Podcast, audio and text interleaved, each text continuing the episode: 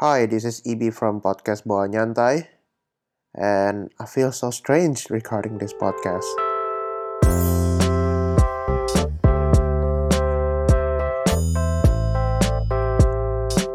Welcome back to podcast Bawa Nyantai with me, EB. How's it going, everybody?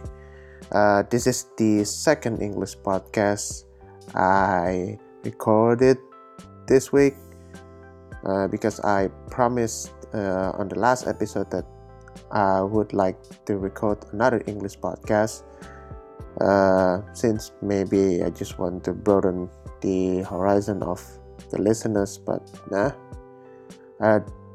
At first, I was kind of like hesitant about that, but then I realized I just don't really want to make fuss about it and just start recording it. Um, maybe for you Indonesians who reside in Indonesia, um, you might hear this podcast on at least uh, Thursday because I didn't have much time for editing this podcast, uh, like uh, putting background music or something like that. But uh, I guess uh, you just have to deal with it, you know. Um, uh, because I because these podcasts a bit late later than usual usual um, because I didn't really uh, have much uh, anything to say or maybe like I had anything in mind when it comes to uh, the topics. Uh, it's quite I mean like it's quite jarring. It's quite um, odd to have to you know some kind of like um, to do the podcast in sec in your second language and or in your third language if English is your third language besides Indonesian uh, or besides like your mother tongue and other um, sprache? No no other languages sorry. Uh, but I think uh, this is the problem you know. I mean like um, I would like to talk about like uh, the cultureception, not not the cultureception, the reverse culture shock. Uh, just because I feel like even though I have lived in Germany for like let's say seven years, and and then I kind of like often uh, go back and forth to Indonesia at least once a year, so I did feel like uh, I always have uh, this strange feeling, you know, when when it comes to like uh, going back and forth be- between Perantauan or maybe like between your current residency and your hometown. I mean, we don't we don't have to put this into like you know uh, going back between Indonesia and Germany. Sometimes it just can be like going back between the cities uh, inside the country. Mm, and that reverse culture shock feeling um, is actually quite common uh, uh, amongst people, you know. Why why do I say you know or maybe like like like that?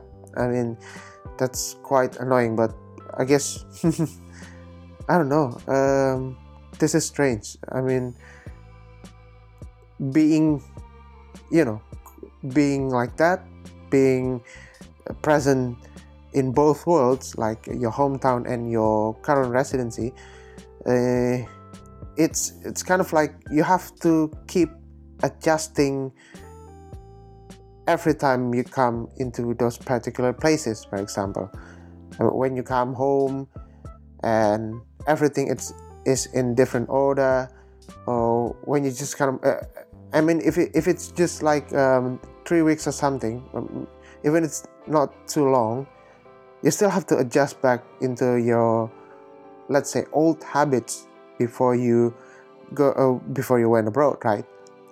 Uh, i mean i mean it has some advantages and it has it has drawbacks as well. Like um, you get to talk in your first language for example. I mean that doesn't happen very often maybe when you when you're abroad or when you're far away from home. But it, it you do feel uneasy uh, to adjust back into a different kind of uh, let's say pattern or something. Like for example when i uh, every time i fly back to indonesia for a holiday let's say i have to keep adjusting my sleep time. I have to keep adjusting how i eat because you know most indonesians eat rice and i don't really eat rice here every day. At least uh, if i want to maybe every two or three days or something. And how to how you commute because I don't have a car here. Whilst in Indonesia I get to drive uh, almost every day because you know I have to I have to drive my grandpa grandma. Sometimes I have to kind of like pick up my mom from work. Uh, if my sister is in town then I have to kind of like accompany her as, as well. And and I do feel like that I mean I always feel like that maybe for like two weeks uh, for the first two weeks or something. And it's strange you know because um, you feel like you're you're too foreign for that. I mean uh, you, you, don't really have that kind of privilege uh, when you're abroad. I mean even if you if you're load rich I mean if you're really like fucking loaded you know uh, you still have you still feel like that i mean uh, and that's kind of like mm, i think it's it's not a drawback but it's more like a sort of feeling you have to deal with uh, for the first two weeks or something. And even how to talk to people back home is quite different you know? I mean maybe maybe different case in Jakarta than in other cities in Indonesia because in Jakarta maybe most people are too dynamic sometimes people don't want to talk it, to each other uh, to each I mean to strangers in this sense but but maybe because that dynamic in life in Jakarta or something or maybe because people expected you to go somewhere um, either alone or maybe with groups. When you go alone in Jakarta, uh, people don't really expect you to talk. When you go with your friends, let's say maybe like uh, uh, in three or in groups or something in, a bigger group, uh, even strangers don't want to talk to to the group because you know it's strange, right? Um, you you get the feeling, and and other thing is that is that um, when you go somewhere in Indonesia, for example, like um, Bandung or even like um, Medan or Padang, you have to keep adjusting into the uh, local customs or something. I mean, like not really adjusting to the local customs. I mean, like you have to, you know, kind of like abide cer- certain flair when you talk to people.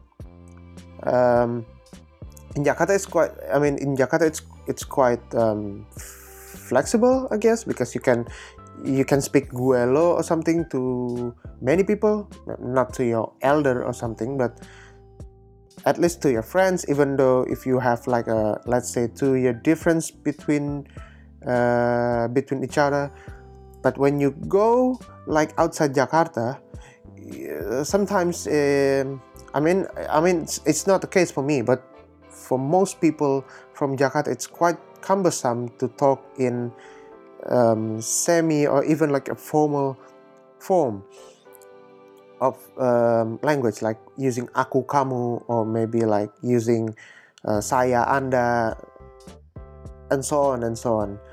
Um, so it's kind of like even if you, uh, uh it's kind of like you have to put more efforts into it. I mean, and and that's okay, I guess.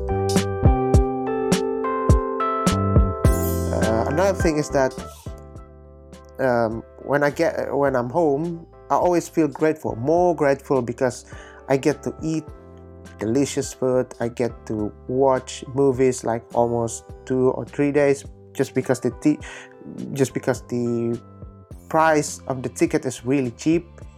You can get as as low as like 35,000 rupiahs or maybe like for 2 euros to watch a movie uh, in a cinema. Whereas in Germany you have to you know um, at least put um, more efforts put more put more money to just watch a, a movie.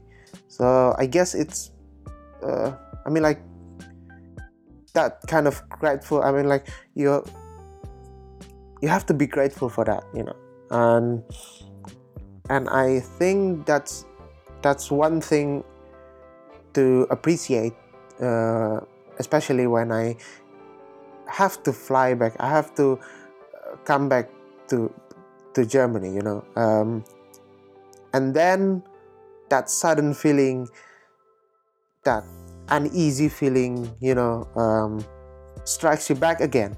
Uh, like as if as if you really have to keep adjusting um, to the society. You have to keep adjusting into how you uh, take on life i guess. Um, it's it's quite I don't, I don't know what to say man. I mean it's really it's not hard but it's just that uh, it's exhausting to keep adjusting like that you know? I mean i mean you get you get what i'm saying. Adjust uh, adjusting and i'm like adjust is is a word that we as a perantau or we as a let's say um, a student here in Germany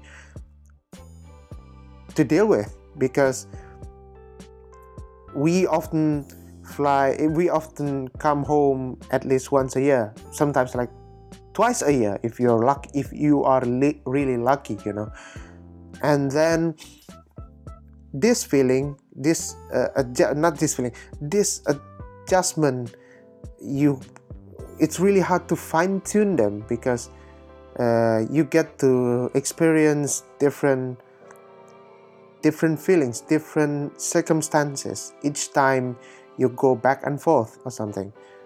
And even if you are let's say uh, like i said before if you even even if you are really lucky to fly home twice a year or something homesick will always strike you every time, especially for the first month you go back to uh, to your country where you reside now, and that that feeling can be replicated as well when you come home, like as if you are homesick uh, because um, you, you miss something that you miss like activities or something that uh, you always do when you're abroad but you cannot do when you're back home. Like for example i miss like recording a podcast but i i i, I hadn't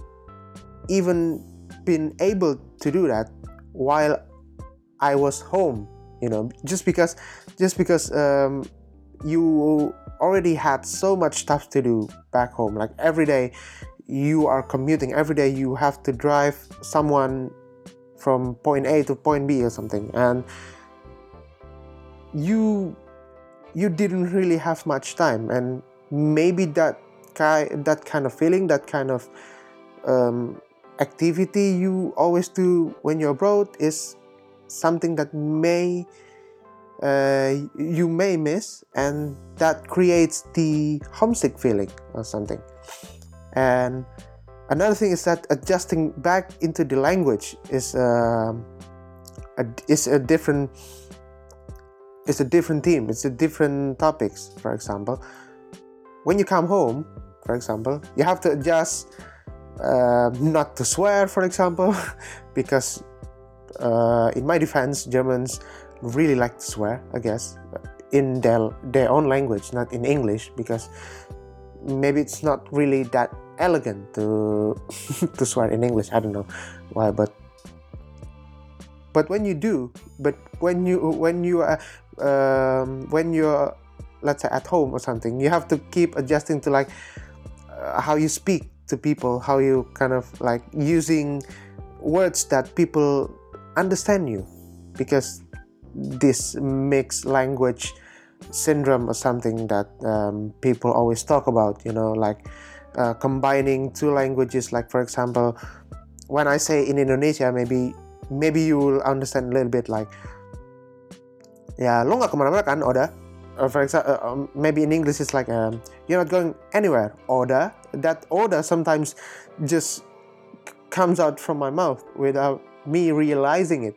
Uh, Oda is more it's more like how I end sent uh, my sentence or something and not sentence in prison. What the fuck man? I mean like how I end when I speak you know like order. I mean like just this kind of like something blah blah blah you have to keep adjust adjusting to that and same same goes when i go back to germany and then i just had spoken so much indonesian that i sometimes forgot the words in german that i usually speak and then another thing is that this cycle like for example adjusting sleep how you eat, how you commute. Like I miss driving uh, with uh, my mother's cars or something, or maybe like I miss eating really delicious food almost every day. I miss like going to sleep in a re- regular time, like 11 p.m. or something. And then maybe like when you come home and then you go back to and you go back abroad and then maybe you have some maybe you have left something behind maybe like issues or maybe um, feelings or even just like unresolved matters that kind of feeling that kind of um, experience is what makes the homesick even more stronger you know. Uh, maybe when you when uh, let's go back to uh, language matters for example. Like you left some uh, you left something behind right? For example like uh, the the habits when you the, the habits back home and then when you're back into abroad uh, back into abroad now when you're back abroad and then you have to kind of like speak another language that might sound foreign at first, uh, just because uh, just because you didn't have much time to uh, to hear that when you're back home, then so on and so on and so on, and then you feel kind of dumb, I guess, you know, because usually you can sound smart in your first language just because it comes naturally from from yourself, but then when you go back and then for example like you you go to your campus or you go to your school and then you hear another language being spoken uh, in a lecture and then you didn't really understand much of that in that language in that particular language but you really can explain it in your own language. That kind of feeling is like when you watch a Modern Family Modern Family episode where this this woman is maybe it's it, it, um, I think she's Sofia Vergara or something. Uh, when you when she see like you don't you don't really know you don't really know how smart I am when when I speak Spanish or something. That same feeling happens all the time. Not just when you just go back from home, every time I mean, like I I get it. I I get it. I have to learn this language. In in my uh, in my case, German. But I do feel like if I learn it in Indonesia, in Indonesian, that then I might understand that better than when I uh, learn it in German. Let's say, even though I subconsciously can explain it in German, but sometimes when I have to translate that into Indonesian, uh, it hinders me back. It it it hinders how I apply it into my own language. And sometimes when I have to learn, when I have to study for the finals, I have to understand that in German. And and you know my German's quite rusty even even though I live here for let's say almost seven years. That feeling, that dumb feeling of not being able to understand something quicker, it's it's just uh, it hurts sometimes. But you know, as a as a human, we have imperfections or something. But that feeling, um, especially feeling dumb in another language, or maybe like I'm feeling dumb speaking English for my podcast right now. Really, uh, I don't really have that kind of freedom when I, uh, um, you know, that kind of freedom of using certain words when I speak English. Like maybe if you if you really listen to this podcast, you know, for let's say this 22 23 minutes and and that can and and I think that's the reason why this reverse culture shockception maybe I can say always strikes for those people who are frequently back and forth uh, between home and abroad and then that's actually just what I want to say.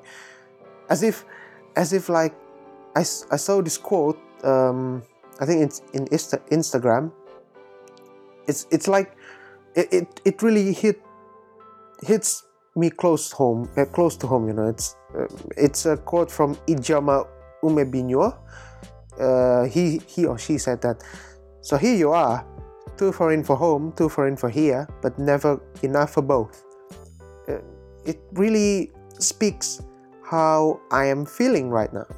How maybe everybody is feeling um, when they are away from home. And that is reason, the reason why i am doing this podcast because i guess i just want to express my i think kind of like my feeling my actually my my feeling or maybe like my concerns. You know um oh man i lost words. I lost i lost i lost for words. I don't know why. Um, and that's why i'm i decided to make this podcast i guess. Just because i feel like hopefully you can relate to me or maybe to other person that you might know uh, of where they live abroad. So I guess it's just maybe it's just me who has to uh, you who have to, uh, who has to deal with uh, those kind of issues that I talked about, or maybe it's just that sometimes the world, or sometimes the universe, just forces us to, I guess, um, not deal with it, but maybe kind of like just forces us to to do it. At least just do it. Just do whatever we can do, or maybe whatever we are able to. So, and then maybe this podcast can help you so much, uh, at least to, you know, at uh, at least to kind of get that um, get rid that homesick feeling. Or maybe if you are not indonesian that then maybe you get you already get some insight about how how Indone- indonesian might look like even though it's just kind of like a sound medium or something not a audio visual medium. But i do really hope that you enjoy this podcast. Maybe not um, that's really okay. Uh, if you want to collaborate if you want to talk to me then you can send an email um, at bawahnya um, at bawnyantai at gmail.com b a w a n y a n t a i at gmail.com or if you just can reach me on Instagram at eb19 ibhi19 um, or on Twitter at eb. I already put um, everything on my SoundCloud, so you can just reach me there. So thank you for listening to this podcast, and I hope to see you in another English episode. And see you next time. Bye bye.